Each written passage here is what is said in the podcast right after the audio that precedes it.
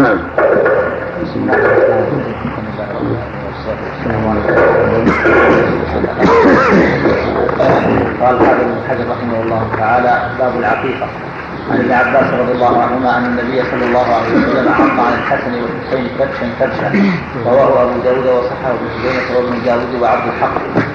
لكن رجح أبو حاتم الرساله واخرج ابن حبان من حديث أنس نحوه. وعن عائشة رضي الله عنها أن رسول الله صلى الله عليه وسلم أمر أن يعق عن الغلام شاتان مكافئتان وعن الجارية شاة رواه الترمذي وصححه وأخرج أحمد والأربعة عن أم الكرد الكعبية نحوه.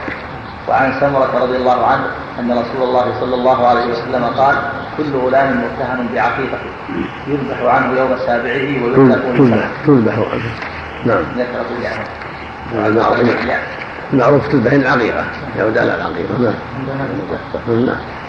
رواه أحمد والأربعة وصححه الترمذي. بسم الله الرحمن الرحيم. اللهم صل وسلم على رسول الله وعلى آله وأصحابه. أما بعد هذا الباب في العقيقة.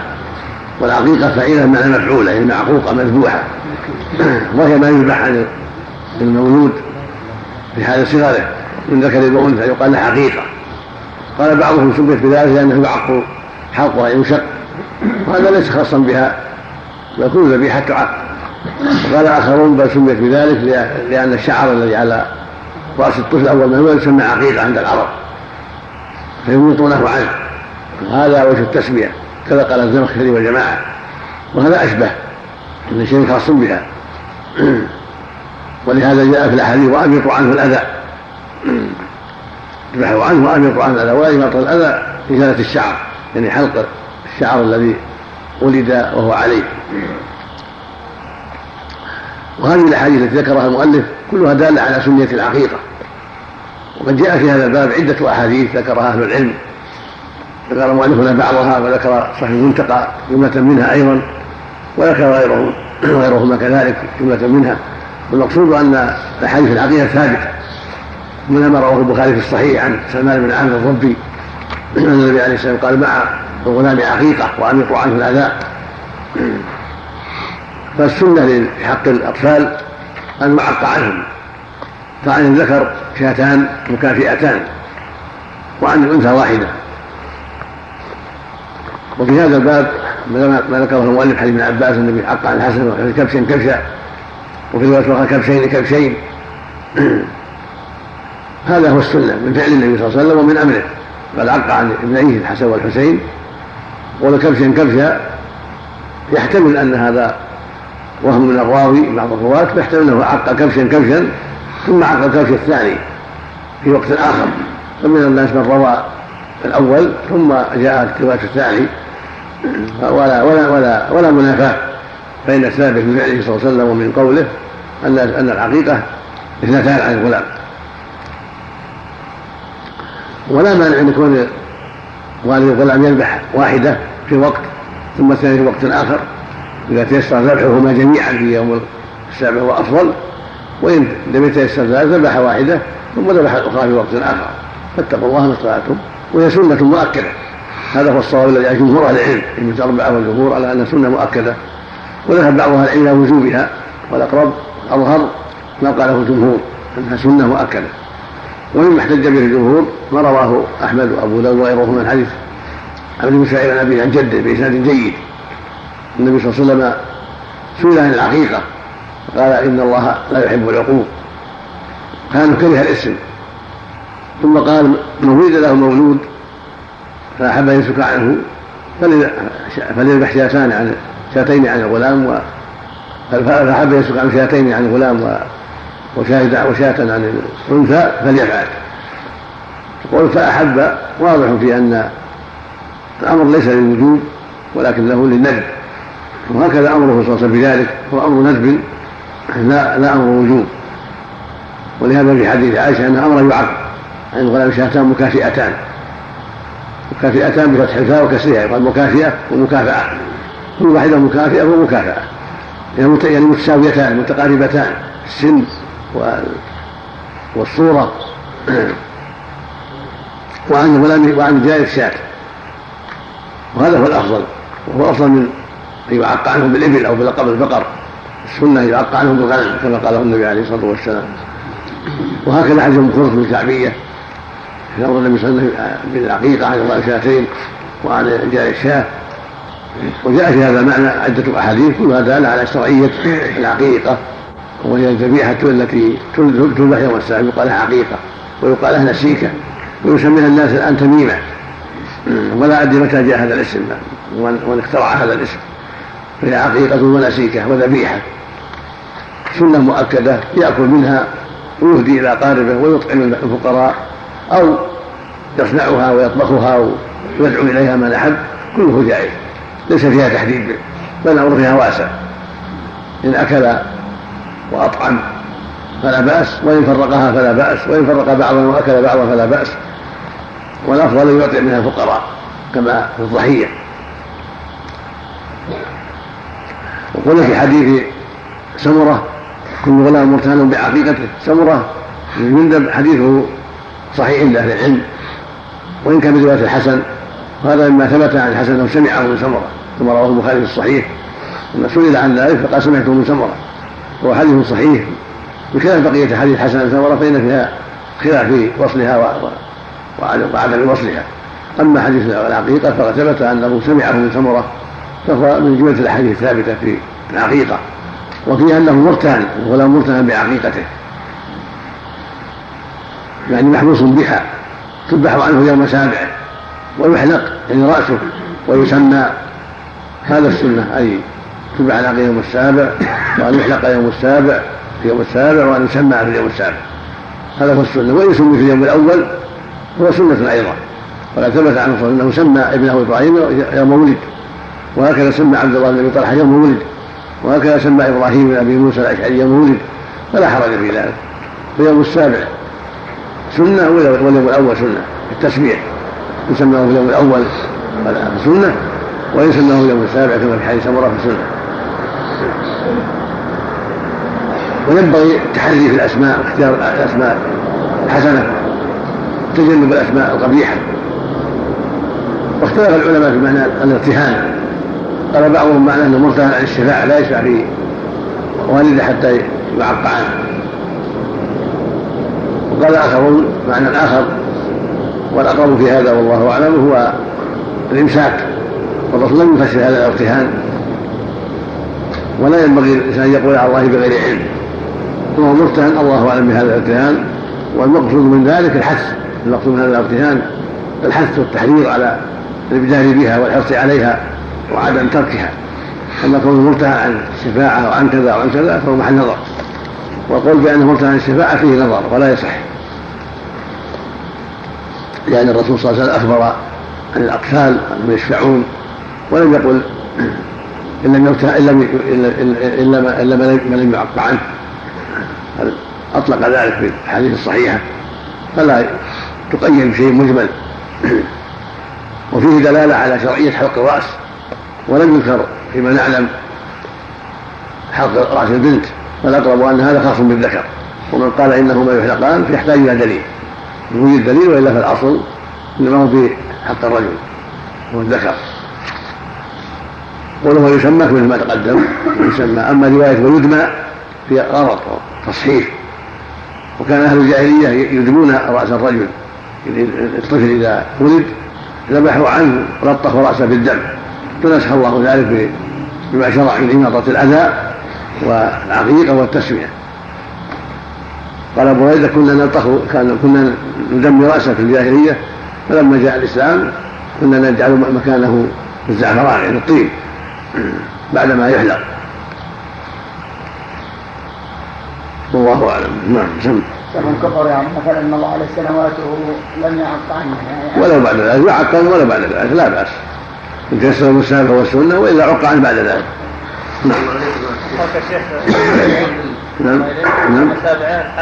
نعم هذا هو الأفضل. لا يعني يصدق عن بوجهه فضه ولكن في سنده بعض الضعف. نعم. نعم.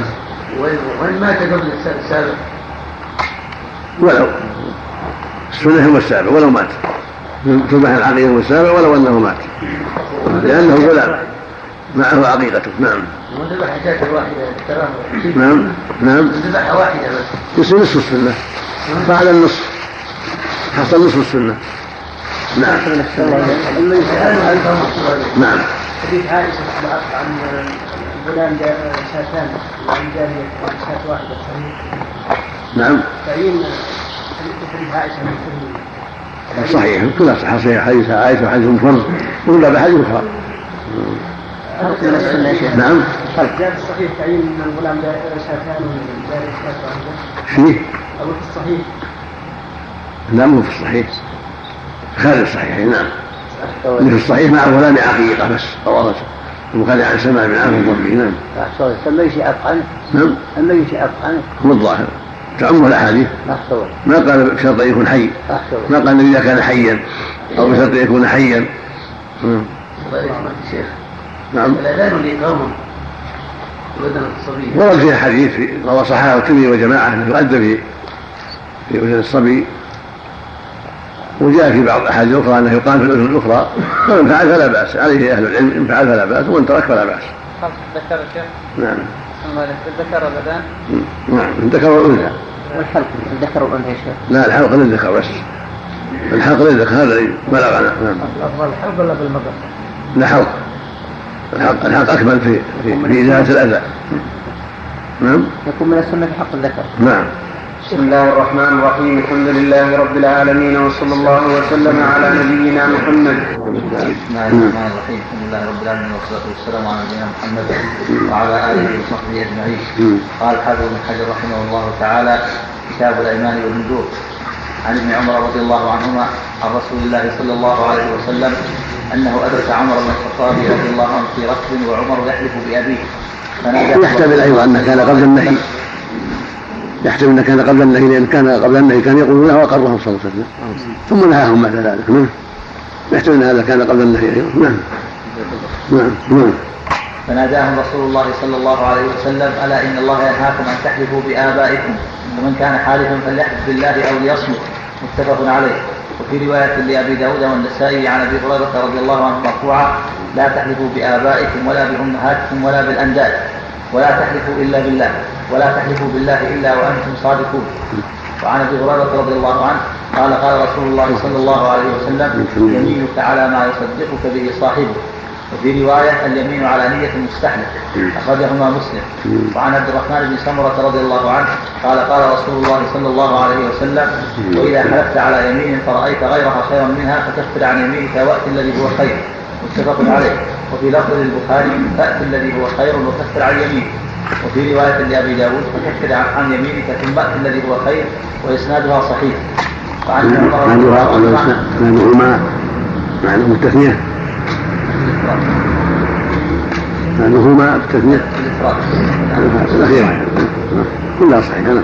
وعن ابن عمر رضي الله عنهما أن رسول الله صلى الله عليه وسلم قال من حلف على يمين فقال إن شاء الله فلا حنث عليه. رواه أحمد والأربعة وصححه ابن حبان. الاولى للبخاري عبد الله.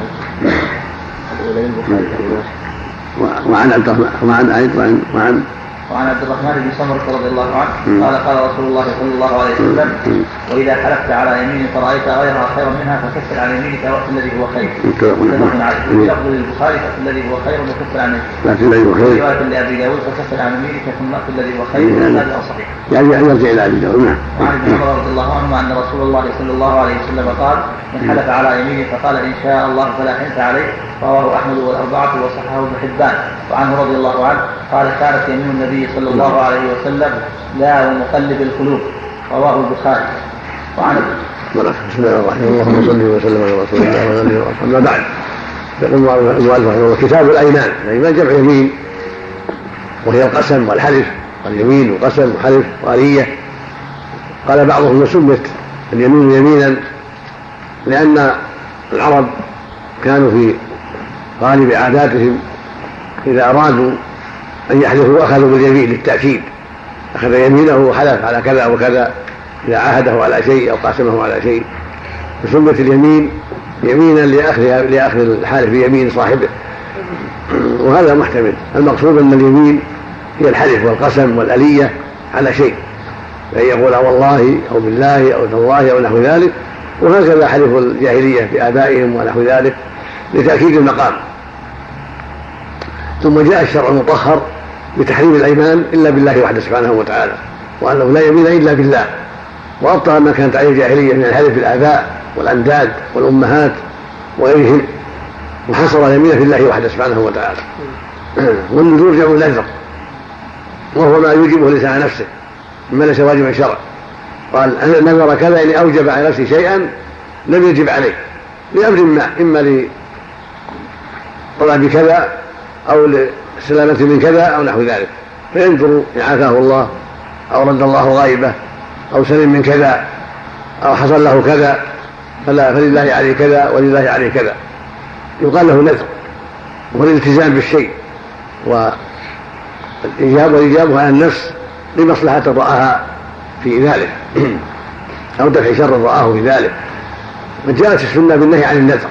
لا ينبغي النذر كما يأتي إن شاء الله. وإن وإنما يستخرج من البخيل. لكن متى وقع؟ وجب ولزم إذا كان طاعة لله. كما يأتي في قوله صلى الله عليه وسلم من نذر يطيع الله فليطيعه ومن نذر يعصي الله يعصي الله فلا يعصي. الحديث الأول حديث ابن عمر. النبي صلى الله عليه وسلم أدرك عمر وقت يحلف بأبيه قال إن الله ينهاكم أن تحلفوا بآبائكم. من كان حالفا فليحلف بالله وليصمت وفي لفظ فلا يحلف إلا بالله أو ليصمت. حديث أبي هريرة لا تحلفوا بآبائكم ولا بأمهاتكم ولا بالأنداد ولا تحلفوا إلا بالله ولا تحلفوا إلا بالله وأنتم صادقون. وجاء في المعنى حديث ابن عمر أيضا عند أبي داود والترمذي والصحابة الحاكم بإسناد جيد. النبي عليه الصلاة والسلام قال من حلف بغير الله فقد كفر وأشرك وجاء أيضا من حديث بريدة عند أبي داود من حلف بالأمانة فليس منا. وجاء من حديث سعد من كان حالفا فحلف أحدهم فلا يقل بالله والعزى. من حلف فقال في يمينه واللات والعزى فليقل لا إله إلا الله. متفق عليه. ذهب النسائي وليتعوذ يسأل ثلاث مرات ويتعوذ بالله من الشيطان. كل هذه وما جاء في معناها تدل على تحريم الحلف بغير الله. وأنه لا يجوز لمؤمن أن يحلف بغير الله. لا بأبيه ولا بأمه ولا بالأنبياء ولا بالكعبة ولا بالأمانة ولا بالأصنام ولا بغير ذلك. كيف حديث عبد الله بن سمره تحلف بالطواغي؟ وما ذاك والله أعلم إلا لأن الحلف نوع من التعظيم لأنه يؤكد ما أراد ان يحلف عليه به هذا الحلف وهو تعظيم المحلوف به وأحق من يعظم هو الله وحده سبحانه وتعالى. فلهذا صارت اليمين به أولى وأخص سبحانه وتعالى واستقرت الشريعة على تحريمها بغيره. قال ابن عبد البر أجمع الناس مع العلماء على أنه لا يجوز بغير الله. وقد صدق رحمه الله فإن الخلاف الذي في هذا عن بعض الناس خلاف شاذ لا يلتفت إليه. والأحاديث صريحة في ذلك واضحة في ذلك. بل كانوا في الجاهلية وفي أول الإسلام يحلفون بآبائهم. وجاء في حديث بعض أحاديث الوفود افلح وابيهم صدق. قال العلماء هذا كان على ما جرت عليه العادة. الحلف بالآباء فاكد المقام بقول افلح وابيه قال بعضهم انه إنه محرم من اصل كما قال ابن عبد البر افلح والله ولغلط بعض الرواة. والصواب أنه كان جائزا كما تقدم. وأن هذا اليمين من النبي صلى الله عليه وسلم على العادة السابقة ثم استقر النهي في ذلك وأنه لا يتحلف بغير الله كائنا من كان. ومنها ومعها وضوح هذا الأمر وظهوره. تجد كثير من الناس الآن لا يبالي بهذا وأبيك وحياتك ولا سيما فيما يقع من المدرسين المصريين لأن كثر بينهم هذا وعاشوا عليه إلا من عصم الله ورحمه. فينبغي العاقل يغتر بهذا ينبغي أن ينتبه وأن ينكر هذا على من فعله حتى يعلم الجاهل أو الغافل خطورة هذا الأمر الذي حرمه الله ورسوله. وسماه شركا وكفرا. ومن الشرك الأصغر عند أهل العلم لكن قد يكون أكبر إذا قام بقلبه تعظيم المخلوق مثل ما يعظم الله. أو ان هذا المخلوق يصلح ان يحلف به لأنه يتصرف في الكون أو لأن له سرا أو ما يشبه ذلك عند عباد القبور وعباد الصالحين. الحديث الثاني حديث أبي هريرة. يقول عليه وسلم على من يصدق بصاحبك يعني من آلية المستحلف رواه مسلم. هذا الحديث يدل على أن التأويل ما ينفع الظالم وأن المعول على نية المستحلف. فإذا كان لك دعوة على زيد أو عمرو وتأول لا ينفعه التأويل. بل هي نية المستحلف الذي حلفه. وإذا ادعيت عليه أنك أقرضته ألفا أو بعت عليه سلعة بكذا فحلف أنه لا صحة لهذا وهو كاذب مؤول متأولا متأولا في يمينه لا صحة لما قلت من جهة كذا وكذا فإنه لا ينفعه التأويل. واليمين واليمين عن نيتك أنت أنت اللي حلفت بالحق. فتأويله لا ينفعه. ويعتبر آثما وتعتبر يمينه غنوسا وإن تأول تأويلا لا وجه له ولا صحة له. بخلاف من هو مظلوم. أو لا ظالم ولا مظلوم فله التأويل لأنه قد ينفعه من الكذب. التأويل مندوح عن الكذب مثل ما قال النبي صلى الله عليه وسلم لزوجته سارة إذا سألك قولي إني أخته. هذا من التأويل يدخل في الإسلام. وهذا يحتاجه يحتاجه الناس في الظلم أن يتأول وقد يحتاجه الإنسان حتى في غير الظلم للمجاملة أو لأسباب أخرى. فالحاصل أن من من ليس بظالم ينفعه التأويل أما الظالم فلا ينفعه التأويل. والحديث ذلك حديث عبد بن سمرة يقول النبي صلى الله عليه وسلم وإذا حدثت على يمين فرأيت غيرها خيرا فكفر عن يمينك وأتي الذي هو خير. أصل هذا الحديث صحيحين عن عبد الله بن سمرة النبي عليه الصلاة والسلام قال لا تسأل الإمارة فإنك إن أعطيتها مسألة وكلت إليها وإن أعطيتها هذه مسألة وعنت عليها وإذا حلفت على يمين فرأيت غيرها خيرا منها فكفر عن يمينك وأتي الذي هو خير. وفي لفظ فأتي الذي خير وكفر عن يمينه. والله فكفر عن ثم أتي الذي هو خير. فالروايات جاءت متعددة وعند أهل العلم يجوز هذا وهذا. يجوز أن يكفر ثم يأتي ويجوز أن يأتي ثم يكفر. لأن الروايات جاءت بهذا وهذا. وكلها صحيحة. فله يكفر ثم يأتي وله ان يأتي ثم يكفر. وجاء في هذا معنى عدة أحاديث تدل على انه ينبغي المؤمن أن يعمل بالأصلح. من حديث عدي بن حاتم من حديث أبي عن بن سمره من حديث أبي موسى. قال أبي موسى عن النبي صلى الله عليه وسلم قال واني والله لا أحلف على يمين. ويرى خيرا منها إلا كفرت عن يمينه وأتيت الذي هو خير. فالسنة للمؤمن إذا حلف على شيء ثم رأى المصلحة في نقض اليمين فإنه ينقضها ويحنث ويعمل المصلحه كان يقول والله لا أزور فلان. ثم يرى المصلحة تقتضي الزيارة. أو والله لا أكلمه. أو والله لا أصاهره. أو والله لا أكل طعامه ثم يرى المصلحه في خلاف ذلك فإنه يحنث يكفر عن يمينه ولا يلج في يمينه. ولا يخدم بهذا ما في هذه من مصلحة الانسان قد يغضب قد يغضب ويقول هذا الكلام. والله لا أن فلانة والله لا أعيش مع فلانة وما أشبه هذا قال هذا كثير للناس فمن رحمة الله وإحسانه أن شرع الكفارة. والحديث آخر حديث ابن عمر رابع حديث ابن عمر النبي صلى الله عليه وسلم قال من حلف قال في يمينه إن شاء الله فلا حنث عليه. من حلف قال فيه إن شاء الله فلا حنث عليه. هذا يدل على أن الإنسان إذا حلف واستثنى فإنه لا تلزمه الكفارة. إذا قال والله إن شاء الله لا أزور فلان والله إن شاء الله لا أكلم فلان والله إن شاء الله لا أكل طعامك فإنه إذا أكل فلا فلا كفارة عليه. لأنه استثنى قال إن شاء الله. فلما أكل علم أن الله ما شاء هذا الشيء. وهكذا يقول صلى الله عليه وسلم له مقلب القلوب عبد الله بن عمر كان في النبي صلى الله عليه وسلم لا هو مقلب القلوب هذا يدل على أن اليمين لا تتعلق لا تتعين تكون بالله وحده بلفظ الله يعني أو بلفظ الرحمن بل بل تجوز كل اسم من أسماء الله. كل اسم من أسماء الله يجوز بها اليمين. والله والرحمن وربي ومقلب القلوب وعالم الغيب والشهادة وعزة الله. كل هذا يعني جائز. إذا حلف بالله أو بصفة من صفاته كذا نعم. والله أعلم. وفق الله الجميع. سبحانه وتعالى نعم. الساعة الشمس مرتفعة مرتفعة جزاك الله ابن عمر من حلف على يمين قال نعم صحيح. نعم لا لا نعم. السلام الله عليكم هل يجوز القلب بالقرآن؟ نعم. القرآن كلام الله.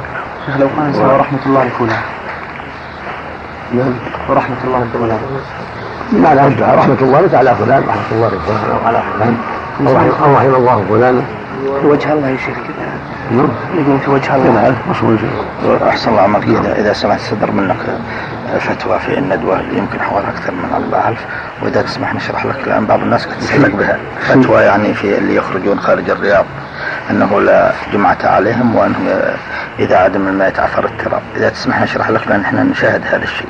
في بعض الناس أحسن الله عملك ما يروح الدهنة ولا يروح النفوذ يخرج حوالي الرياض هنا فيه مكاين وفيه جمع في المجاورة. ويتسلقون بذلك ويقعدون يلعبون ورقة ويلعبون غير ذلك ولا يحضرون الجمعة. هذا يبين لهم يبين لهم وجعلهم الوضوء إذا بعدوا هذا محل بحث إذا بعدوا عن محلات الجمعة. مو بعيد أحسن الله. فلا جمعة عليهم. لكن لما يوضح لهم العلماء ذكروا فرصة بعد فرصة. يعني مقدار ساعة ونص تقريبا عن محل. لا لا لا ما وخاصة الوقت الحاضر في كل مزرعة ماكينة وفي وفي كل محل جمعة. على كل إذا رأيتم إذا رأيتم صح معلم لكن كم يعني كثير الناس وهم خاصة يخرجون الجمعة. أحسن الله عمرك أحسن الله عمرك شاهدناها ورأيناها والحديث الذي يقول من ترك ثلاث جمع متواليات. هذا يعني بغير عذر. بغير هذا مو بعذر أحسن الله عمرك لا سفر عذر ما هو بسفر أحسن الله عمرك الله سبحانك بسم الله الرحمن الرحيم السلام عليكم محمد وعلى اله وصحبه اجمعين قال الحافظ رحمه الله تعالى وعن الله بن عمرو رضي الله عنهما قال جاء اعرابي إلى النبي صلى الله عليه وسلم فقال يا رسول الله ما الكبائر فذكر الحديث وفيه اليمين الغموس وفيه قلت وما اليمين الغموس قال التي يقتطع بها مال مال امرئ مسلم هو فيها كاذب أخرجه البخاري. وعن عائشة رضي الله عنها في قوله تعالى لا يؤاخذكم الله باللغو في أيمانكم. قالت هو قول الرجل لا والله وبلا والله. أخرجه البخاري ورواه أبو داود مرفوعا. وعن أبي هريرة رضي الله عنه قال قال رسول الله صلى الله عليه وسلم ان لله تسعه وتسعين اسما من احصاها دخل الجنه. متفق عليه. وساق الترمذي وابن حبان الأسماء والتحقيق والتحقيق أن سردها إدراج من بعض الرواة. وعن أسامة بن زيد رضي الله عنهما قال قال رسول الله صلى الله عليه وسلم من صنع إليه معروف فقال لفاعله جزاك الله خيرا فقد أبلغ في الثناء. أخرجه الترمذي وصححه ابن حبان. وعن ابن عمر رضي الله عنهما عن النبي صلى الله عليه وسلم أنه نهى عن النذر وقال إنه لا يأتي بخير وإنما يستخرج به من البخيل. متفق عليه. وعن عقبة بن عامر رضي الله عنه قال قال رسول الله صلى الله عليه وسلم كفارة النذر كفارة يمين رواه مسلم. وزاد الترمذي فيه إذا لم يسمى وصححه. ولأبي داود نعم،, نعم ولأبي داود من حديث ابن عباس رضي الله عنهما مرفوعا من نذر من نذر نذرا لم يسمه فكفارته كفارة يمين ومن نذر نذرا في معصية فكفارته كفارة يمين. فلا حديث الله بسم الله الرحمن الرحيم اللهم صل وسلم على رسول الله وعلى آله وصحبه. حديث عبد الله بن عمرو رضي الله عنهما أن رابعا سأل النبي صلى الله عليه وسلم عن الكبائر ذكر الحديث وذكر في هذا من الغموس حديث قال الشرك بالله وعقوق الوالدين وقتل النفس واليمين الغموس هذه من الكبائر العظيمة وهي كثيرة جدا. قد تنازع الناس في التعريف بالكبيرة وأحسن ما قيل في ذلك أن الكبيرة كل معصية جاء فيها حد في الدنيا أو وعيد في الآخرة بغضب أو لعنة أو نار أو نحو ذلك. قال بعضهم كل الذنوب كبائر ولكنها متفاوتة. والصواب أن الذنوب فيها كبائر وصغائر.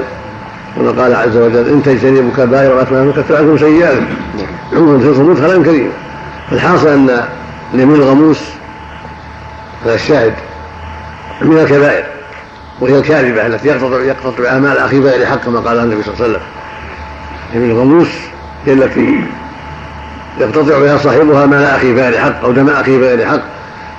لأن يأخذ بها شيئا بغير حق. وسمت غموسا لأن تغمسه في الإثم. ثم في النار نسأل الله العافية. يعني أنه من أسباب دخول النار ومن أسباب الإثم. هذا يريد الحذر من تعاطي الأيمان الكاذبة. فاجرة الحديث الصحيح صلى الله عليه وسلم. لو يعطى الناس بدعواهم لدعا ناس دماء رجال واموالهم ولكن اليمين على المدعى عليه. فالواجب على المؤمن أن يتحرى في يمينه وأن يحذر الكذب. سواء في خصومة أو في غيرها. وفي من وفي التأويل مندوحة عن الكذب إذا كان غير ظالم. وحديث عائشة رضي الله عنها يدل على أن من لغو اليمين هو لا والله وبلا والله. الله قال سبحانه لا يؤاخذ الله بالله في ايمانكم الآية. فدل ذلك على أن لغو اليمين لا لا مؤاخذة فيه. من العفو بخلاف الأيمان التي تقصد وتعقد عن قصد هذه هي التي هي محل المؤاخذة سواء كانت على مستقبل أو على ماضي. فالماضي الكاذب هذا فيه ما تقدم من الإثم والمستقبل عليه يحفظها. قال الله تعالى واحفظوا أيمانكم. أما ما يرجع الإنسان من غير قصد فهذا هو لغو اليمين. مثل قول في عرض عرض كلامه لا والله وبلا والله من غير قصد اليمين. ولكن تأتي في الكلام من باب التأكيد لا من باب قصد الأيمان.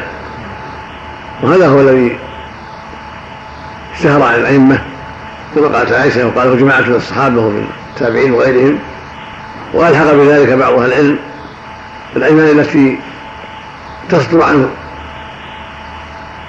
ظن الصدق وأنه مصيب سيعتقد أنه صادق فيها. لفظ اليمين كان يقول والله لقد قدم فلان والله لقد صار كذا وكذا وهو باني على شيء فبان خلاف ذلك فهو في هذا لم يتعمد الكذب وإنما غلط والله ما عندي فلان شيء وباني على أصل أن ما عنده الشيء ثم تبين له أن عنده الشيء هذا من لغو اليمين ولا تكون من الغموس لأنه ما تعمد الكذب ولا أراد الكذب لكن شبه عليه.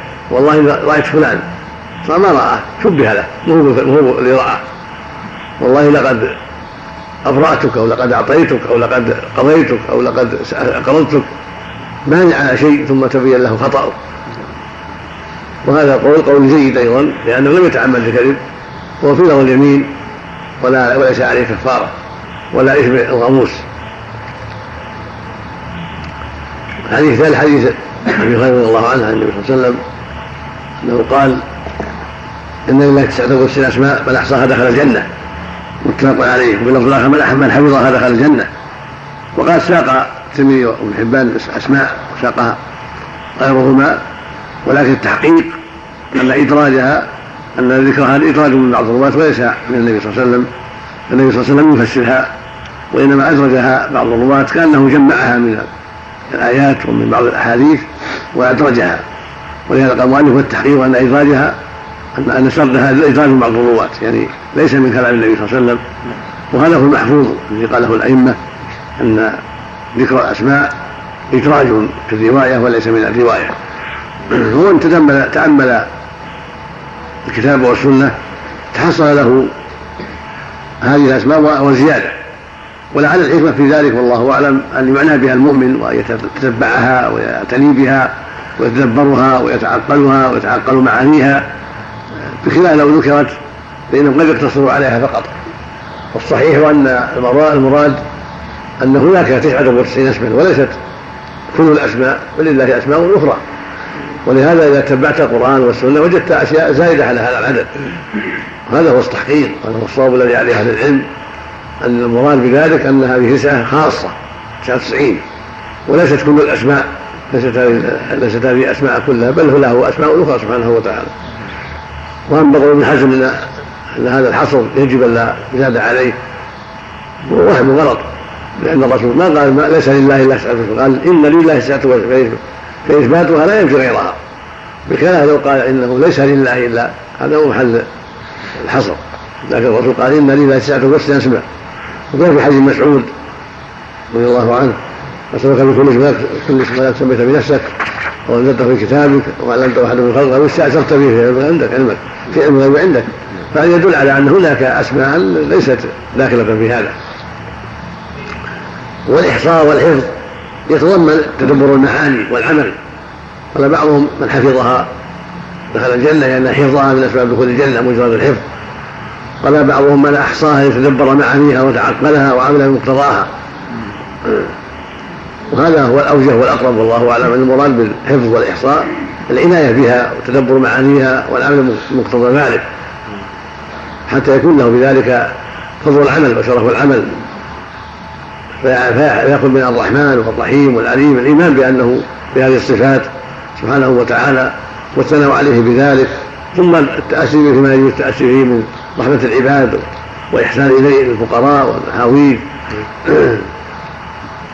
كذلك ما يتعلق بكونه شديد العقاب الجبار خوفه سبحانه وتعالى والحذر من معاصيه وسيئاته فيكون من تدبر الأسماء الاستفادة من معانيها في ترك ما حرم الله وفعل ما أوجب الله والوقوف عند حدود الله تعظيما لهذه الأسماء التي اشتملت على المعاني العظيمة الزاجرة عن المعاصي والمراغبه في في الخير. فالعفو والرحمن والرحيم. فيها الرجاء وشديد العقاب ما جاء في معنى هذا. الاسم فيه الخوف والتحذير. فالمؤمن هكذا يكون بين الرجاء والخوف وبين تأمل هذه المعاني والسعي في ما يسبب فوزه بما مقتضاها من رحمة الله وإحسانه إليه وإيجائه إياه من النار وسلامته من غضبه سبحانه وتعالى. حديث الرابع حديث أسامة بن زيد من صدع إليه معروف فقال إذا جزاك الله خير فقد بلغ في الثناء هذا في حث على المقابلة على المعروف بالكلام الطيب. وأن هذا من الجزاء الحسن ومن الحديث الصحيح. من صنع المعروف كافئوه غير كلمة فادعوا له. حديث ابن عمر رواه ابو داود النسائي وغيرهما سند الحسن. هذا في دليل دلالة على أن ينبغي المؤمن أن يكافئ على الكلام الطيب آه، على المعروف بالكلام الطيب. والمعروف قد يكون مالا قد يكون تفريج كربه بعمل آخر قد يكون مساعدة في خير قد يكون غير ذلك. فالمعروف يتنوع فالسنة لمن صنع إليه معروف من قرض أو هدية أو صدقة أو تفريج كربة أو شفاعة في ظلامة أو ظلامة أو غير ذلك أن يكافئ بالكلام الطيب والفعل الطيب أو بالدعاء. هكذا المؤمن يكون كريما لا لئيما يقابل على الحسنات بالكلام الطيب والفعل الطيب ويجازي على المعروف بالمعروف. وأقل ذلك الكلام الطيب والدعاء إذا لم يجد المكافأة الأخرى. والحديث الخامس حديث ابن عمر رضي الله تعالى عنهما بالله عن النذر. قال لا تنذروا النذر لا يرد من قدر الله شيئا وإنما استخرجوا من البخيل. الحديث هذا الصحيح يدل على أن ما ينبغي النذر لأنه يكلف الإنسان أشياء قد تتعبه قد تعجزه. ولهذا قال وإنما استخرجوا من البخيل. البخيل يضعف عن الصدقات والإحسان والصيام الصلوات ونحو ذلك المتنفلة لكن يلزم نفسه بالنذر حتى يقوم بهذا الشيء. فلا ينبغي له ذلك. وأما حمله على من على نذر الشرط فلا وجه له الحديث عام. لا تنذروا نهى عن النذر وقال إنه لا يأتي بخير حتى في غير المجازات. من ينذر ان يصوم كذا ويصلي كذا قد يشق على نفسه أيضا. لكن من نذر؟ نظرت في أمره. فان كان نذره طاعة أمرته بالوفاء. وإن كان معصية منعته من الوفاء. وإن كان مباحا خيرته. إن شاء وفاء وإن شاء كفر عن يمينه. كما كفر اليمين كما يأتي. يقول صلى الله عليه وسلم من لا يطيع الله فليطيعه ومن يعصي الله فليعصي رواه البخاري في حديث عائشة. لكن هو أولا لا ينبغي أن ينذر. وينهى عن النذر لكن متى وقع وهو طاعة شرع له الوفاء لقوله سبحانه يوفى بالنذر. ولقوله صلى الله عليه وسلم من لا يطيع الله فليطيعه. الله مدح المفيد يميل للطاعات والمدح بالوفاء لا يلزم منه المدح الابتداء. ولهذا النبي نهى عن الابتداء لكن متى كان النذر صحيح؟ طاعة وقربة لزمه الوفاء في ذلك. وأما إذا كان معصية فإنه لا يوفي ذلك. وهذا يلزمه كفارة يمين في بحث هذا إن شاء الله. وفق الله صلى الله عليه وسلم وجه حديث اسامه في الأيمان والنذور من كان عليه معروف. شيخ يقول في ذمة وفي أمانة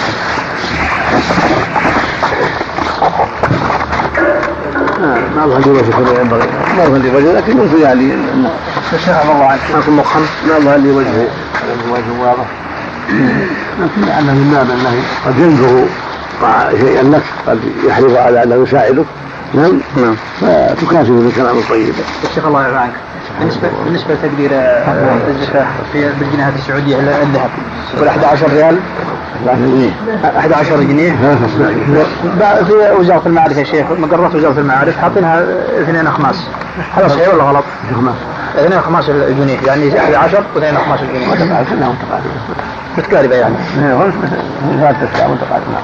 شيخ بالنسبة له بالنسبة للأول يعني مو واضح يعني. يقول لا والله لا والله ولا والله. العقب أي شيء. في أمر كذلك في أمر كذلك ما قصد ما قصد العدم على اليمين هذه. يفعل في غير قصد القصد أن يؤكد أن يؤكد بها شيء تحلف على شخص. تحلف عليه. والله أنت اكل وأنت تشرب هذا مقصود. مقصود؟ نعم. في كفارة. في كفارة. إذا حلف إذا حلف. إيه. سوى عليه. بالنسبة للرهن. إذا من طرف واحد. هل يعني فيه شيء؟ رهن ولا رهن؟ رهن يعني نقول مثل إذا فعلت كذا كذا يعني. يقول بنيت هل جعل كذا؟ نعم. إذا عمرت بيتي هل جعله ثم جعله في مرهنه جعله يعطى حقه إذا بنى بالإيثار أو بدون ما فعلت ما أعطيك ما ما ما هو ما في شيء. إذا عمرت هل جعل لك 100 ريال وما عمرت ما ما في شيء. ثم جعله. جوعان نعم.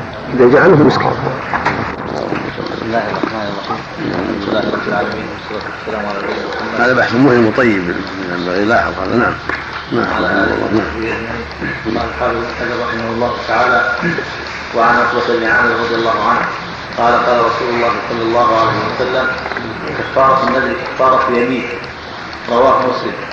وزاد الترمذي فيه اذا لم يسمى وصححة. ولأبي داود من حديث ابن عباس رضي الله عنهما مرفوعا من نذر نذرا لم يسمه فكفارته كفارة يمين. ومن نذر نذرا في معصية فكفارته كفارة يمين.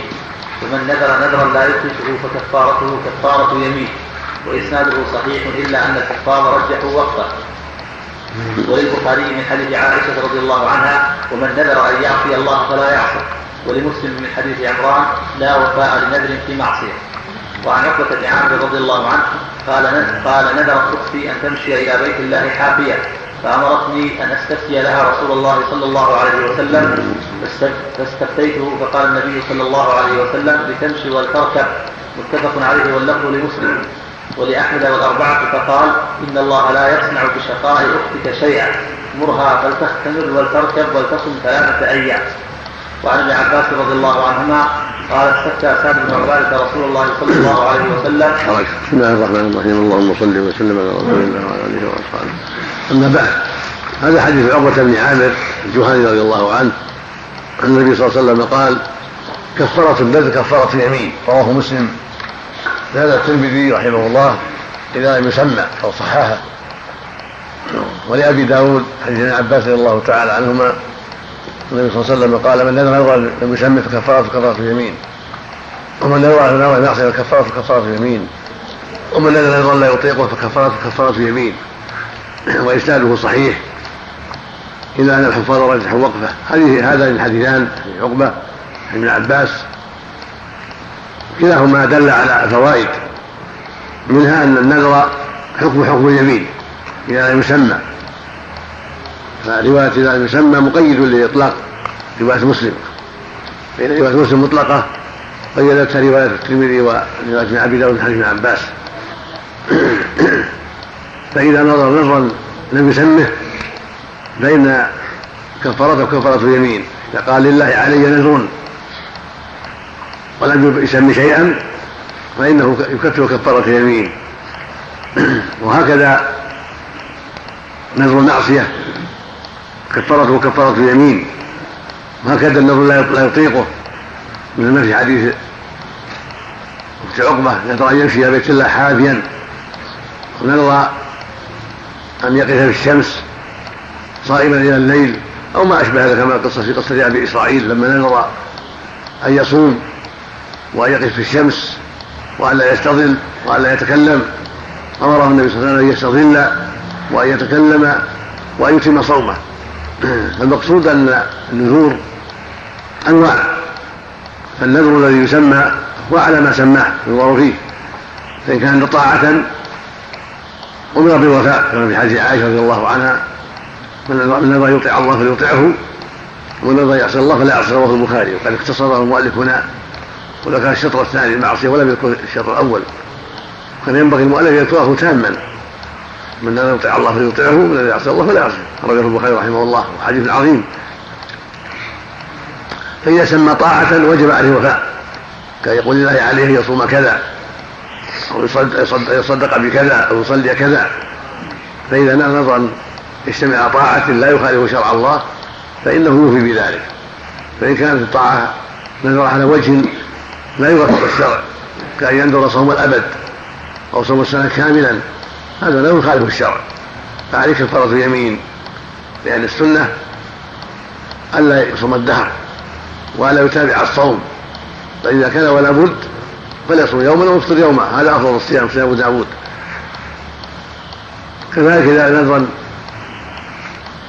لم يسمى كفارة كفارة يمين وإذا نذرا سماه لكنه في في اللجاج والغضب لا لقصد قربه.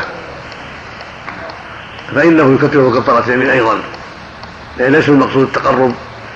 كأن يقول لله عليه أن يصوم كذا إن كلم فلانا لله عليه. يصدق بماله إن زار فلانا أو إن زوج فلانا أو ما أشبه ذلك.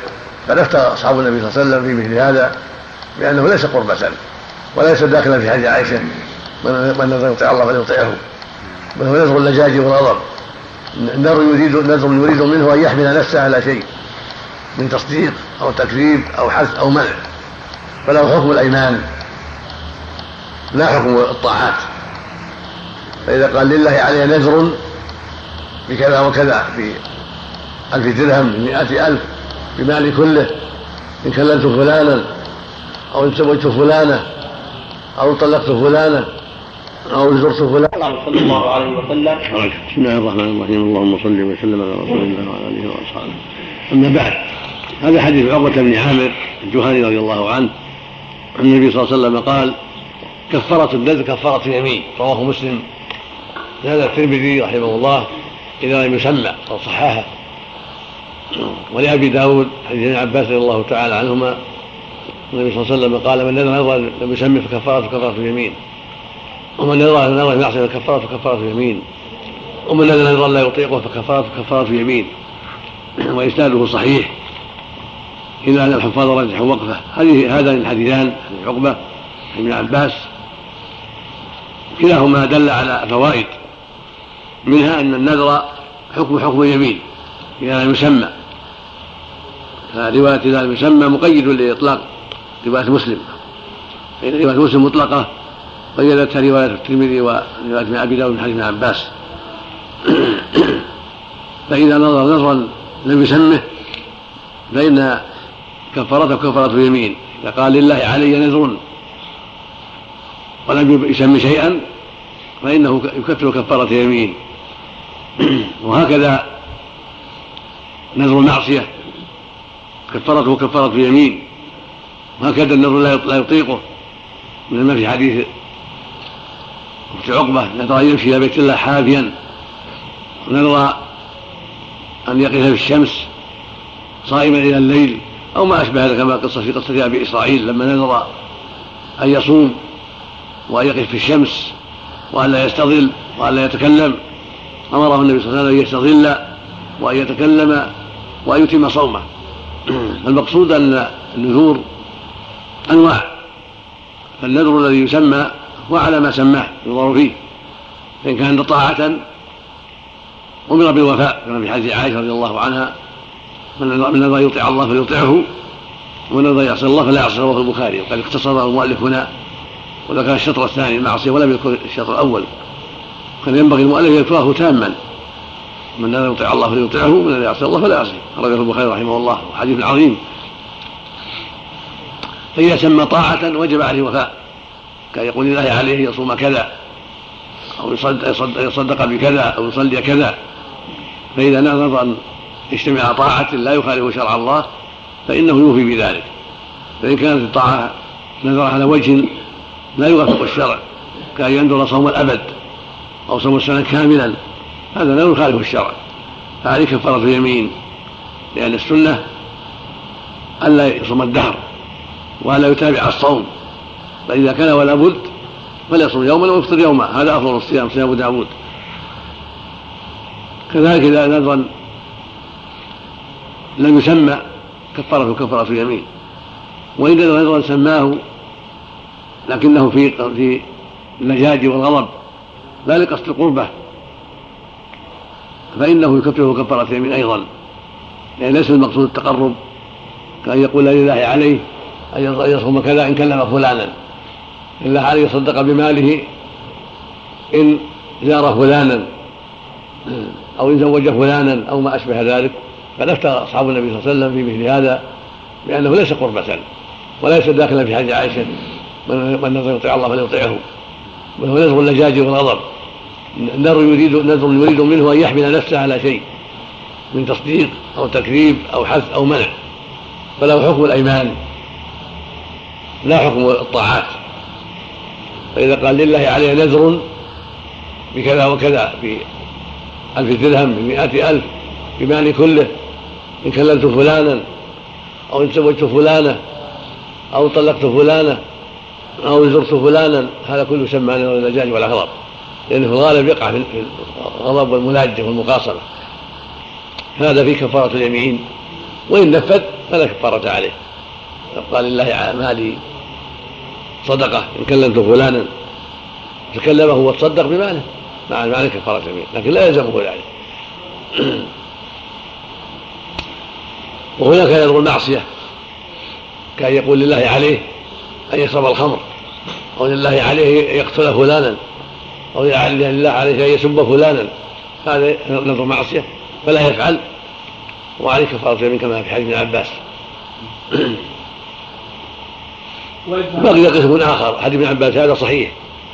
فإنه رواه أبو داود بسند جيد رجال الصحيحين مرفوعا. رفعه طلحة بن يحيى الأنصاري وهو ثقة الشيخين ورفع ووقفه وكيع وجماعة.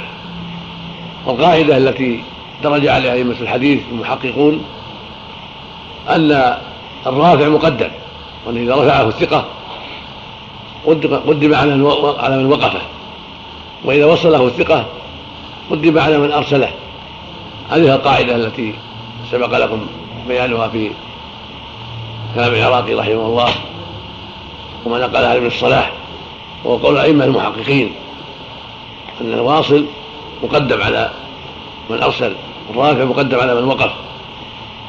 قدم قول الحافظ في النخبة وزيادة راويهما مقبولة ما لم تقع منافسة من الأوثق فالرافع مقدم.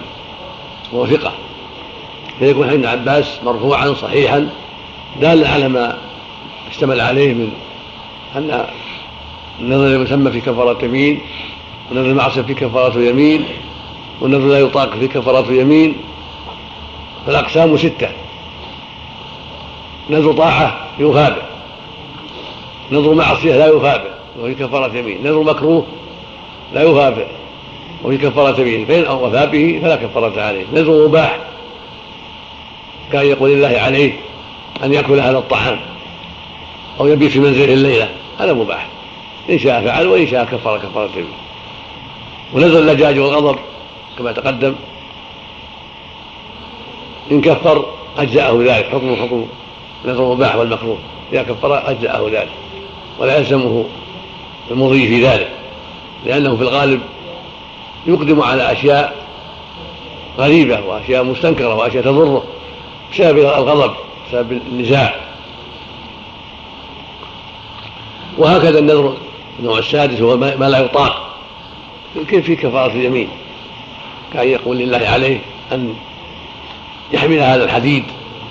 ولا يطيقه. أو لله عليه أن يمشي إلى مكة حافيا وهو بعيد من نجد من خراسان من مصر من كذا من بحلات بعيدة يشق عليه المشي ولا يطيقه وما أشبه ذلك كما في حديث ابن عباس وكما في قصة أخت عقبة. حين أن في بيت الله حافية. فقال النبي صلى الله عليه وسلم قال المرهبة تركب وتصوم ثلاثة أيام. قال إن الله لا يصنع بشقائقتك شيئا. مرهبة تختبر وتركب.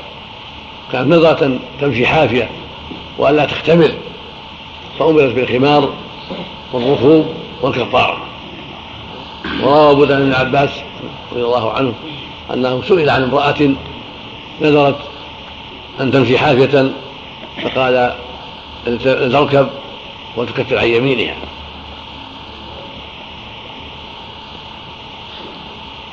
هذا هو المعتمد في هذه الأنواع والأقسام من النذور.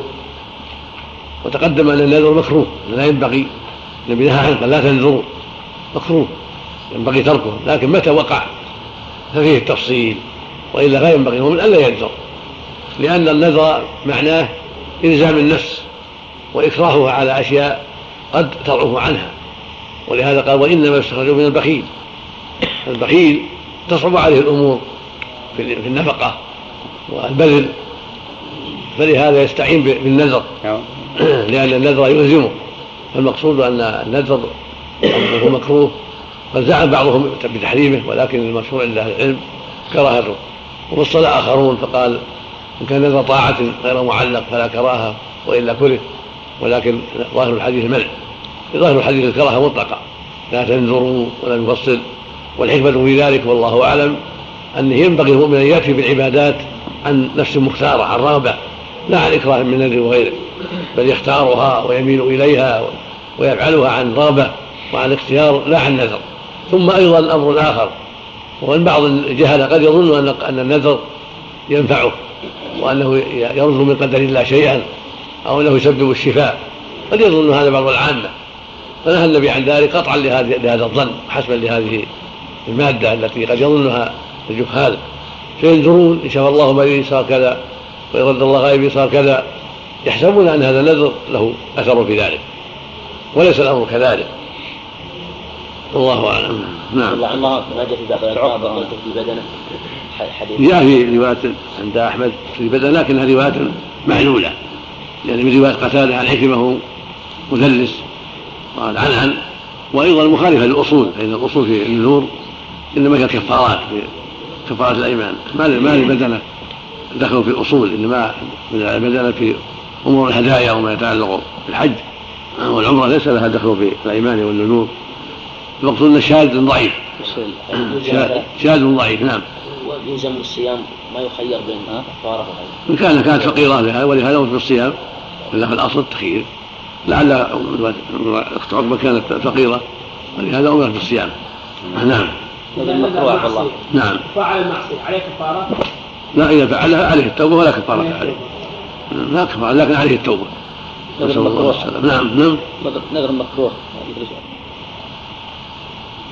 مثل مثل مثل قال الله عليه أنه ما يصلي راتبة الظهر ولا راتبة الفجر. هذا نذر مكروه. نعم. يكف عن يمينه ويصلي الراتبة. وإن لم يصلي فلا شيء عليه لانها نافلة. وفق الله اليه سبحانه اللهم أشهد أن لا إله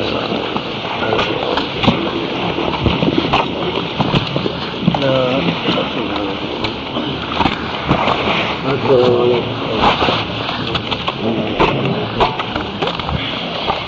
فيه من الصالحين وكذا قال حصل لي كذا وكذا لفلان أعطي فلان كذا.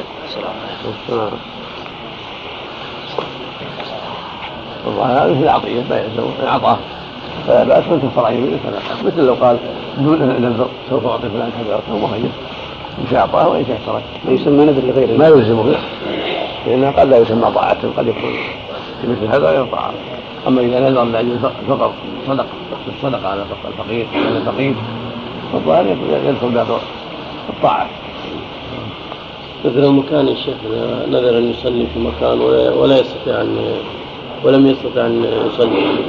ما يلزمه إلا إذا كان الحديث الثالث المساجد الثلاثه كان يصلي في المسجد الحرام ومسجد النبي صلى الله عليه وسلم والمسجد الأقصى يلزمه إذا استطاع. وإذا ما استطاع يبقى معلق كالدين أما بقية المساجد ما يلزمه. قول بعض الفقهاء يا شيخ. لو نذر في المسجد لكن اذا نذر في المسجد الأقصى أو في المسجد المدينة وصلى في المسجد الحرام كفى كفى عنه إذا كان صلى في الافضل كفى عن المقصود. طيب يا شيخ على على قتادة في صحيح البخاري. اللي في الصحيحين محمول على السمع هذا ولا مشهور ترجح رواية الواحد عن الحفاظ؟ نعم. كيف ترجح رواية الواحد عن الحفاظ؟ من ناحية توصيل الحديث. ما هي زيادة تعتبر؟ من قضية الوصل اللهم اهده اللهم اهده اللهم اهده ثقتي يخبر بخبر. وناس نسوها وضيعوها ضيع زيادة وثقة. بس أيهما الاحمل يا شيخ؟ أقول يعني قضية الخطأ تقع على الواحد. هم ما ما هم ما كذبوه هم سكتوا هم سكتوا. هم سكتوا. وهم بين الزيادة اللي ما ذكروها. ما قالوا أنها اخطا وان ابن عباس يقول لا هذا من كلامي. سكتوا مجرد سكوت وهو اثبت زيادة. اخوانك ثلاثة كلهم ثقات. واحد قال لك إني شفت فلان قدم من السفر. عيني. والوقت ما شفناه. وياه متقدم اللي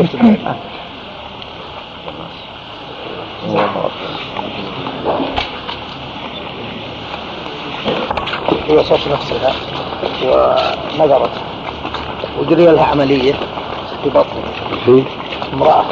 امرأة يعني متوسطة في العمر. وجري لها عملية في بطنها. ثم حملت فنظرت قالت ان إن ولدت ولم أصب بشيء لانها خايفه من العملية. فعلي شهرا. فوعظت على أن النذر لا يقدم. موت ولا يؤخر. المقصود وقع. هذا وقع الصوم الوعظ قبل وقع الوقع وقع تعلم عن نذر اخر هذا وقع عليها ان تصوم الشهر هل تفرده فقال لا هذا اللي كان يتابع عليها متابعة كان مالية المتابعة وإن تابعته أحوط لأن بعض أهل العلم قال إذا سمت شهرا عليها أن تتابع لأن الشهر يكون متتابع نعم بسم الله الرحمن الرحيم الحمد لله رب العالمين لأن صلاة الله تبتدي بارتفاع الشمس إلى اشتداد الحر. يعني إلى غروب الزوال نعم. أجمعين قال الحافظ ابن حجر رحمه الله تعالى وعن ابن عباس رضي الله عنهما قال استفتى سعد بن عبادة رسول الله صلى الله عليه وسلم في نذر كان على أمه توفيت قبل أن تقضيه فقال اقضه عنها متفق عليه. وعن ثابت بن الضحاك رضي الله عنه قال نذر رجل على عهد رسول الله صلى الله عليه وسلم أن ينحر إبلا ببوانة. فأتى رسول الله صلى الله عليه وسلم فسأله فقال هل كان فيها وثن يعبد؟ قال لا قال فهل كان فيها عيد من أعيادهم؟ فقال لا فقال أوف بنذرك فإنه لا وفاء لنذر في معصية الله ولا في قطيعة رحم ولا فيما لا يملك ابن آدم رواه أبو داود والطبراني واللفظ له وهو صحيح الإسناد وله شاهد من حديث كردم عند أحمد. وعن جابر رضي الله عنه أن رجلا قال يوم الفتح يا رسول الله إني نذرت إن فتح الله عليك مكة أن أصلي في بيت المقدس. فقال صلها هنا. فسأله فقال فقال صلها هنا. فسأله فقال فشأنك إذا رواه أحمد وأبو داود وصححه الحاكم. وعن أبي سعيد الخدري رضي الله عنه عن النبي صلى الله عليه وسلم قال لا تشد الرحال إلا إلى ثلاثة مساجد. مسجد الحرام ومسجد الأقصى ومسجد هذا متفق عليه واللفظ للبخاري. وعن عمر رضي الله عنه قال قلت يا رسول الله إني نذرت في الجاهلية أن أعتكف ليلة في المسجد الحرام.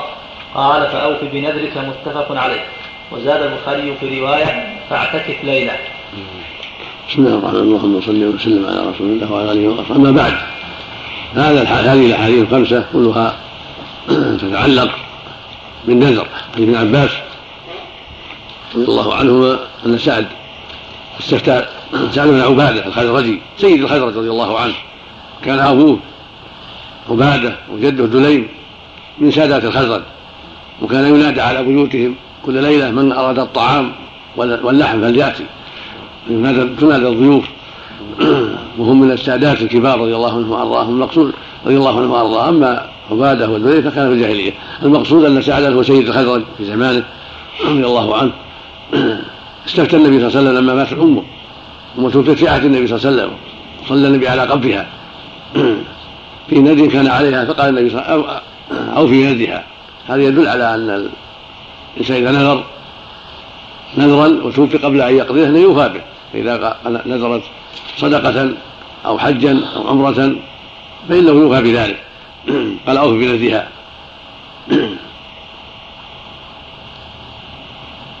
في الحديث الصحيح حديث عائشة من مات وعليه السلام صام عنه وليه. في الحديث حديث أخرى أن الرجل قال يا رسول الله أمي نذرت ان تحج فلم تحج حتى مات افاحج عنها قال نعم. الآخر قال نذرت تصوم شهرين. بعضها قالت تصوم شهرا. افاصوم عنها قال نعم. في بعضها ارايت لو كان على أمك دين وقل الله فالله حق بالوفاء. فكل شاهد لحديث ابن عباس. هذا وهو في معناه.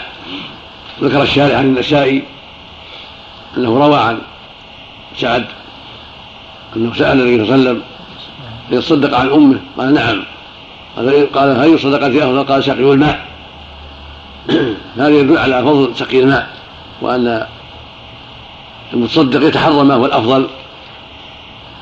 وهذا والله أعلم عند الحاجة إليه.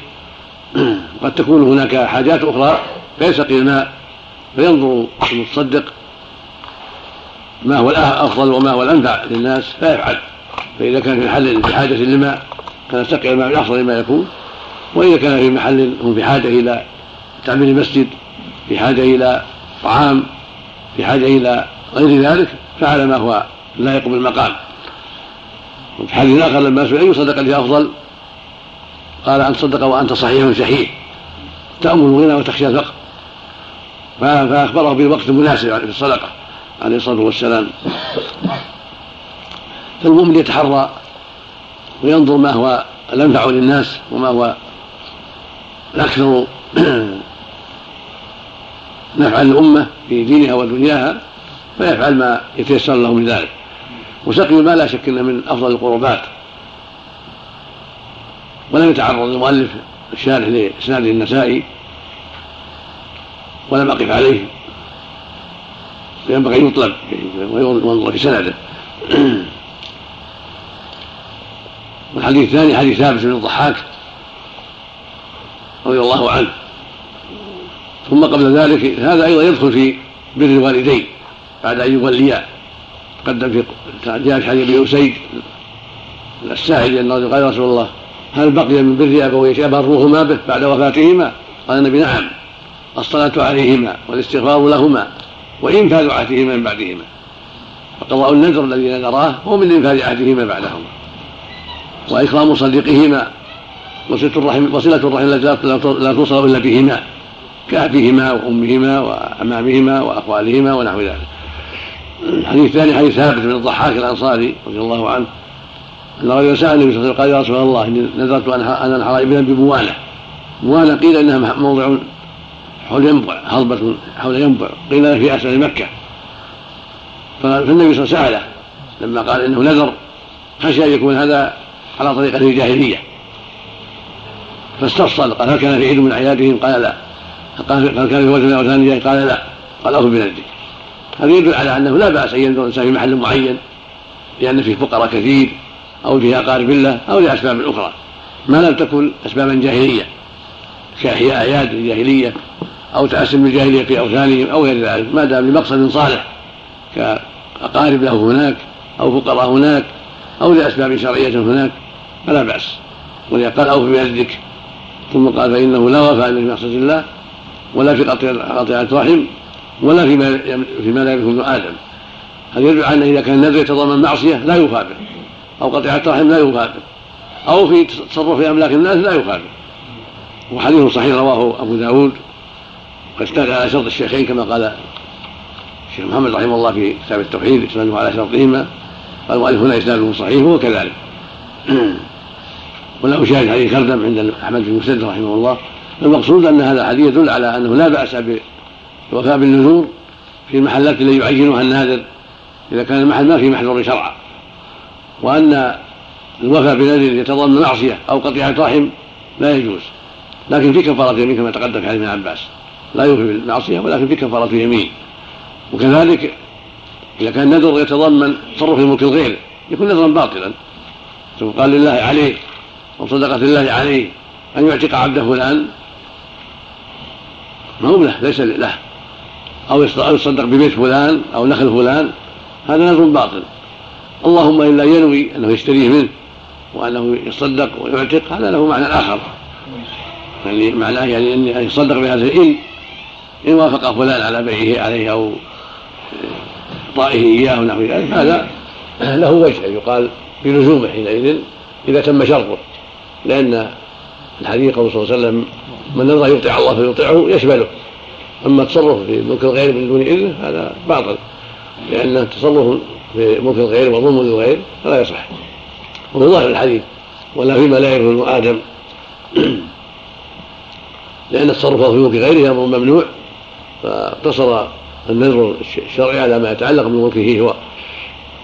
لكن لو نوى مثل ما تقدم إن باعه فلان أو وهبه إياه أنه يتصدق به والقول بأنه في هذه الحالة يوفي قول قوي وجيه ولا أعلم أحد يتكلم في هذا ما أذكر أحد يتكلم في هذا في هذا بهذا المعنى. ولكنه من حيث القواعد لا مانع من ذلك. ويشمله من الذي يطيع الله فليطيعه. ولو قول صلى الله عليه وسلم الأعمال بالنيات.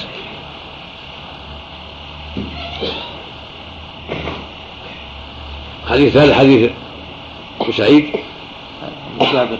حديث جابر ان رجلا قال يا رسول الله إني نصلي في بيت المقدس فقال صلي ها هنا. فأعاد عليه فقال صلي ها هنا. فأعاد عليه فقال شأنك إذا هذا يدل على أن من نذر صلاة في مسجد مفضول؟ كفاه أن يؤدي الصلاة في المسجد الفاضل الأفضل. فإذا نذر يصلي في المسجد النبوي أو في مسجد مسجد إيليا مسجد القدس كفاه يصلي في المسجد الحرام؟ لأنه أفضل من الثلاثة.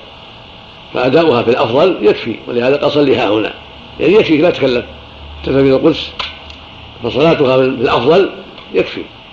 وهكذا لو نظر يصلي في المسجد النبوي في المسجد النبوي كفى يصلي في المسجد الحرام؟ لأن المسجد الحرام أفضل. وإن صلاهما في المسجد النبوي كذا أفضل كفى ولا يلزمه شخوص إلى القدس. وهذه المساجد الثلاث لها خصوصية. لانها أفضل المساجد أما المساجد الأخرى فلا حاجة إلى السفر إليها لأن لا مزية لها توجب السفر إليها. ولهذا قال صلى الحديث الآخر ابن سعيد لا تشد الرحال إلى ثلاث مساجد المسجد الحرام والمسجد هذا والمسجد الأقصى. وفي قول فشأنك اذا دلالة على ان لا مانع لو سافر إلى القدس لا مانع لكن كونه يؤديها في المسجد الحرام كافي. أو في المسجد النبوي مثلا كافي لأنه اداها في الأفضل والقضاء في الأفضل اداء الواجب وزيادة فلا حاجة إلى التكلف وفي حديث أبي سعيد دلالة على أن شد الرحال إلى الثلاثة أمر مشروع لفضلها ولا يشد الرحال إلى غيرها من المساجد والبقاع. ولهذا في اللفظ الآخر لا تعمل المطي إلا إلى ثلاث مساجد. واللفظ لا تشدوا بالنهي ومعنى لا تشدوا بالخبر معناه النهي أيضا. وهو خبر معناه النهي أبلغ في النهي. فلا يجوز للمؤمن أن يشد الرحال للتقرب إلى الله في بقعة كالمقابر أو مسجد من مساجد الناس أو الطور أو غير ذلك وإنما الشد الرحال هذه الثلاثة. ولما رأى ولما علم بصرة من أبي الغفاري أن أبا هريرة شد الرحل إلى الطور قال لو علمت لنهيتك ولا معه قال لمنعتك لأني سمعت يقول لا تعمل المطي إلى إلى ثلاث مساجد يعني إلى بقعة. كأنه قال إلى مسجد إلا إلى هذه المساجد ثلاثة فإذا كانت المساجد مع كونها خير بقاع الأرض وأفضل بقاع الأرض لا تشد الرحال إليها إلا بهذه الثلاثة فالبقع الأخرى من باب أولى كالمقام شد الرحل إلى مقبرة فلان أو المحل الذي جلس فيه فلان للتقرب أو الطور الذي نادى الله عليه موسى كل هذا ممنوع لأن داخل في النهي. هذا هو الصحيح هو الذي قال به أبو محمد الجويني وجماعة من السلف واختيار شيخ الإسلام ابن تيمية وابن القيم رحمه الله وجماعة وقال آخرون من العلم إن معنى أن المعنى لفي الفضيلة فقط ويجوز يشد الرحال إلى قبور الصالحين وإلى مواضع الصالحين وهذا قول ضعيف ومرجوح. فإن النهي واضح لا تشدوا برواية مسلم ولا تشدوا كذلك خبر خبر معناه النهي فالصواب في هذا المنع. ثم شد الرحال إلى قبور قد يفضي الغلو فيها. فإن شد إليها لأجل الزيارة الشرعية قد لا يفعل وإنما يشد الرحال إليها ضعفاء البصيرة وضعفاء الحلم الذين قد يشدون الرحال إليها للتقرب هناك بقراءة عندها والصلاة عندها والتمسح بها ونحو ذلك.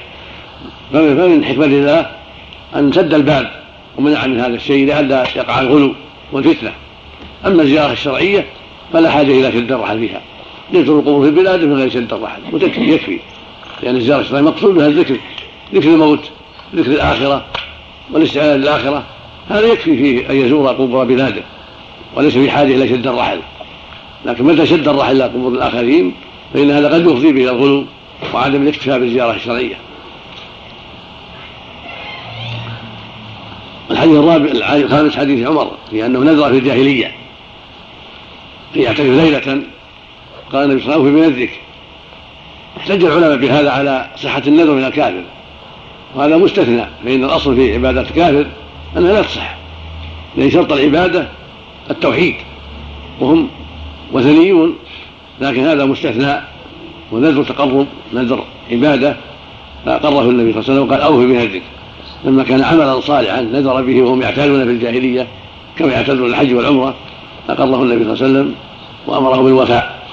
قال آخرون لعله على سبيل الاستحباب ولكن الأصل هو الامر هو الأول الأمر الأول وانه يجب عليه الوفاء بما نذره من الطاعة في هذا فإذا نذر في الجاهلية أن يعتكف ليلة أو يصدق بكذا أو يحج يوفي بنذره كما قال النبي اوفي بنذرك قالوا في الرواية الأخرى فاعتكف ليلة بالخبر أو فاعتكف أمر النبي يعتكف ليلة يحتمل الأمر ويحتمل الخبر.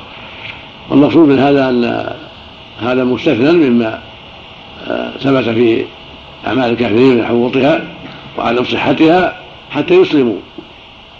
وهذا مستثنى في انعقاد النذر وانه ينعقد ويبقى فلما أسلم يؤمر به لأنه خير نذر به واعتقد وانه قرب في جاهليته ونذره تقربا لله فيؤمر بالوفاء به لما أسلم وهكذا ما يشبهه. لو نذر ان يتصدق بكذا أو يحج أو يعتمد ثم أسلم يؤمر بذلك كما أمر النبي صلى الله عليه وسلم عمر بالوفاء بالنذر وفق الله جميعا إذا نذر الصلاة في غير المساجد الثلاثة. نعم. ما يلزمه. ماذا يعمل؟ يصلي في أي مسجد؟ أو في بيته. ما يلزم لكن يكفر. نعم. يكفر كفارة يمين ما يلزم كفارة يمين وهذا ما يلزمه. لأنه آه، مخير في أي محل صلى. الحمد لله. نعم. المقصود الصلاة وهي حاصلة. نعم. ما هو ما لأن المقصود ما هو مشروع. مقصود السفر إلى المساجد الثلاثة أو المساجد غير الثلاثة أو أو مسجد في البلد هذا ما له من مزية يعني توجب هذا الشيء.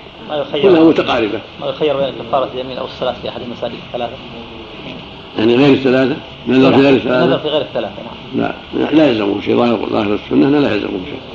صلي في أي مسجد والحمد لله. المقصود العبادة ويؤديها بس. بل حفظك الله لو نذر أن ينفق نفقة في جهة معينة وبدا له أن غيرها أولى منها يجوز له نقل هذا النذر؟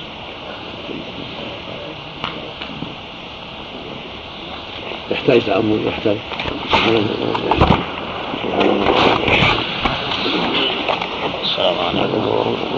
البقية علي. بر أبوي خمسة. سبع الله خمسة. نعم. سند الحديث. البقية علي بر أبوي شيء لا بأس به نعم السلام عليكم. الله شيخ شارح السلام على أبي داوود السلام لما اوهم النووي في عياض بن عبد الله هل هو ظهري ولا مثل ما قال عبد الله فلان. فسمى أبو بين شرح وبعد ذلك التعديل وأشباه شيخ الله عنه. ثم عبد الله بن سعد هذا صاحب أبي سعيد رجال الشيخين. لو نذر شخص أن سلخ من ماله كله هل يلزم على الوضع بالنذر؟ هذا قال جاء في حديث قال يجيئك الثلث. يجيئك الثلث الله بسم الله الرحمن الرحيم. الحمد لله رب العالمين والصلاة والسلام على نبينا محمد وعلى آله وصحبه أجمعين. قال حافظ بن حجر رحمه الله تعالى كتاب القضاء. عن بريدة رضي الله عنه قال قال رسول الله صلى الله عليه وسلم القضاة ثلاث اثنان في النار وواحد في الجنة. رجل عرف الحق فقضى به فهو في الجنة. ورجل عرف الحق فلم يقض به وجار في الحكم فهو في النار. ورجل لم يعرف الحق فقضى للناس على جهل فهو في النار. رواه الأربعة وصححه الحاكم. وعن أبي هريرة رضي الله عنه قال قال رسول الله صلى الله عليه وسلم من ولي القضاء فقد ذبح بغير سكين رواه أحمد والأربعة وصححه ابن خزيمة وابن حبان. وعنه رضي الله عنه. قال قال رسول الله صلى الله عليه وسلم تحدثون على الإمارة وستكون ندامة يوم القيامة. فنعمة المرضعة وبئست الفاطمة. رواه البخاري. وعن عمرو بن العاص رضي الله عنه أنه سمع رسول الله صلى الله عليه وسلم يقول إذا حكم الحاكم فاجتهد ثم أصاب فله اجران وإذا حكم فاجتهد ثم أخطأ فله أجر متفق عليه. وعن أبي بكر وعن أبي بكر رضي الله عنه قال سمعت رسول الله صلى الله عليه وسلم يقول لا يحكم لا يحكم أحد بين اثنين وهو غضبان متفق عليه. وعن علي رضي الله عنه قال قال رسول الله صلى الله عليه وسلم إذا تقاضى إليك رجلان فلا تقضي للاول حتى تسمع كلام الآخر. فسوف تدري كيف تقضي قال علي فما زلت قاضيا بعد. رواه أحمد وأبو داود والترمذي وحسنه وقواه ابن المديني وصححه ابن حبان. وله شاهد عند الحاكم من حديث ابن عباس. وعن بسم الله الرحمن الرحيم. اللهم صل وسلم على رسول الله وعلى آله وأصحابه. أما بعد يقول رحمه المؤلف رحمه الحافظ رحمه الله كتاب القضاء. القضاء في اللغة يطلق على معاني. عديدة منها قضاء المعروف وهو ما قدره الله وقضى على العباد ومنها قضاء بمعنى الإبلاغ والإنهاء. وقضينا إلى بنت في الكتاب لا تفسدون مرتين ولا علوا كبيرا منها قضى بمعنى الأمر الوصية قضى ربك ألا تعبدوا إلا إياه. ومنها قضاء بمعنى فصل الخصومات. والصلح بين الناس. وهو المراد هنا. المراد هنا ما يتعلق بفصل الخصومات والصلح بين الناس حتى تحل المشاكل. والقضاء من الأعمال العظيمة التي يحتاجها المسلمون ولمن دخل فيها بنية صالحة قصد حسن وطلب لنفع المسلمين له أجر عظيم وهو من الجهاد ومن المواضع ومن المواضع التي يرفع الله بها الذكر ويعظم الأجر كما قال عمر رضي الله عنه من صدق فيها وأحسن النية وصبر واجتهد. ومع ذلك أيضا خطير لأن الإنسان قد لا يبلغ فيه الوسع وقد لا يبذل ما يجب. قد يتساهل في بعض الأمور فيكون فيه حرج عظيم وخطر كبير. فالواجب على المؤمن الذي يبتلى به أن يجتهد في طلب الحق وألا يتساهل وأن يستعين بالله كثيرا ويتعاطى أسباب التوفيق ويبذل وسعه في طلب الحق بأدلته. لعله ينجو لعله يسلم. ولهذا كان جماعة من أئمة من أئمة الإسلام امتنعوا من قبول القضاء خافوا منه كالشافعي وأبي حنيفة وجماعة وبعضهم ضرب عليه كأبي حنيفة فامتنع. المقصود أن القضاء أمره خطير. ولهذا ابتعد عنه كثير ولم يقبلوه وقبله قوم وأعانهم الله عليه ونفع الله بهم العباد والبلاد. يقول النبي صلى الله عليه وسلم في الحديث الأول القضاة ثلاثة. قاضي يعني في النار وقاضي في الجنة. قال رجل قضى للناس على جهل فهو في النار. ورجل عرف الحق فقضى فلم يقضي به وجرى في الحكم فهو في النار. ورجل عرف الحق وقضى به فهو في الجنة.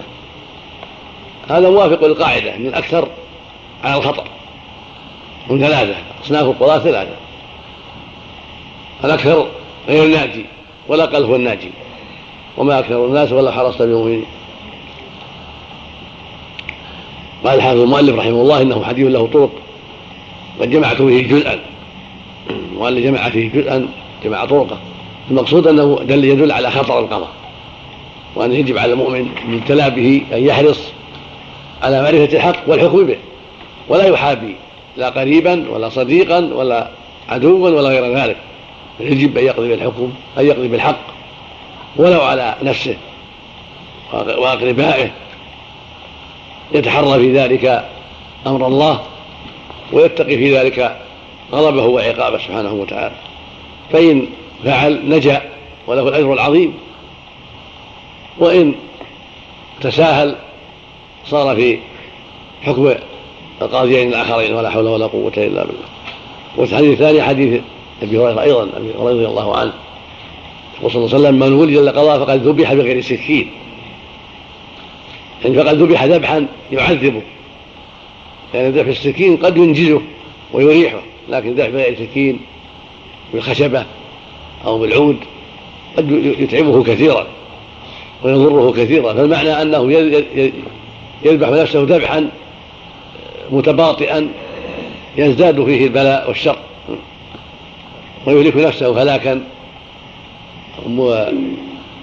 متأخرا غير ناجز. يعني إلا من سلم الله إلا من وفق الله. فجاهد وصبر وجاهد حتى ينفع الله به الناس وحتى يوفق للحق وهو مع هذا كله إذا صار خطأه عن غير عمد وعن غير قصد وعن غير تساهل ولكن بعد الاجتهاد وبعد تحري الحق فإنه لا يضره كما في الحديث الرابع حديث عمرو بن عاص وإنما يضره الجهل إذا لم يعطي المقام حقه. أما إذا أعطى المقام حقه وكان أهلا لذلك لعلمه وفضله فإنه لا يضره خطأه بل هو على أحد حالين. إما مأجور أجرين إن أصاب وإما مأجور بأجر واحد إن أخطأ وله أجر الاجتهاد. إذا كان من أهله إنه العلم الذي يمكنه من طلب الحق. ولهذا قال العلماء يجب على القاضي أن يكون عنده إلمام وعنده علم جيد بالكتاب والسنة وأقوال السلف بإجماع وخلاف وعنده علم أيضا باللغة العربية. عنده علم بالقياس حتى يلحق الفروع بالأصول. لا يصح للقضاء إلا يكون عنده علم جيد بهذه الأمور. حتى يتمكن من إيصال الحق إلى أهله. وليس معناه أنه لابد يكون كامل. لا هذا لا لا يتيسر. لكن معناه يكون عنده أصول عنده معرفة عنده صلاح أهلية لهذا الشيء في علم كتاب الله وأحكامه علم علم السنة علم أقوال السلف إجماعهم وخلافهم إلى إلى غير ذلك مما يعينه على فهم الحكم. والحديث الثاني يقول صلى الله عليه وسلم ستحرصون على الإمارة. وستكون ندامة يوم القيامة. فنعمة المرضعة وبئست الفاطمة. هذا فيه الحذر أيضا وأنها خطيرة الولاية ولو كانت غير القضاء. ولهذا قال الإمارة. والقضاء نوع إمارة. فينبغي الحذر. لكن إن رأى المصلحة ورأى الفائدة واحتيج إليه فليصبر وليحتسب. وقد يجب عليه. إذا كان المقام ليس فيه من يصلح القضاء سواه. فالأظهر يجب عليه أن يجيب حتى يتمكن من إيصال الحق إلى أهله. أما إذا كان هناك عدد يصلحون فهو فرض كفاية. فنعمة المرضعة وبعثة الفاطمة. المعنى أنها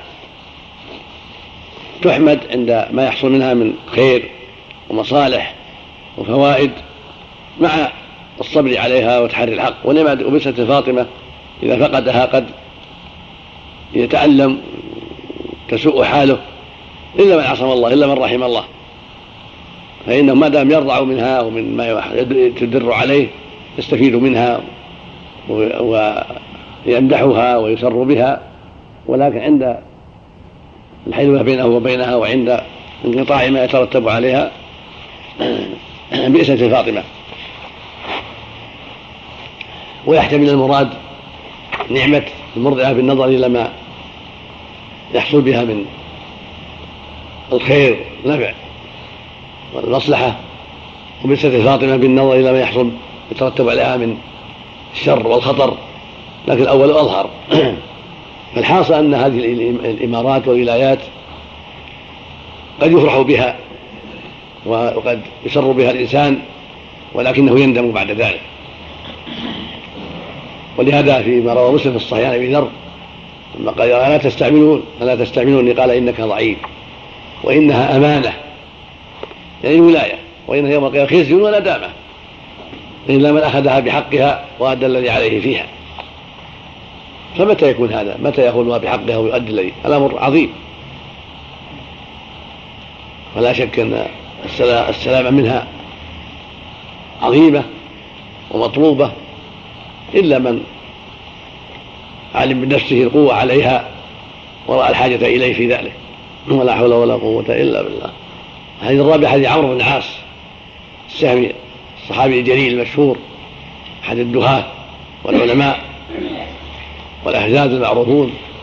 المقصود أنها هذا الرجل من دهاة العرب ومن كبار الصحابة ومن خيارهم.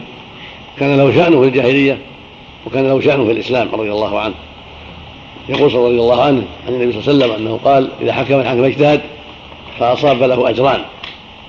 إذا حكم اجتهد فأخطأ فله أجر. هذه بشارة للقضاة. هكذا رواه مسلم عن جابر نحوه نحو حديث عمرو. هذه بشارة للمسلمين وللقضاة بوجه أخص. أن القاضي إذا حكم مجتهدا متحريا للحق فأصاب فله أجران. وإذا حكم مجتهدا متحريا الحق فأخطأ فله أجر. عن اجتهاده وتعبه وصبره ويفوته أجر الصواب. وليس معرضا للوعيد في هذا. إنما الوعيد لمن قضى على الناس على جهل من غير معرفة أو قضى للناس بالجور والهوى. نسأل الله السلامة. الحديث الخامس حديث أبي بكرة.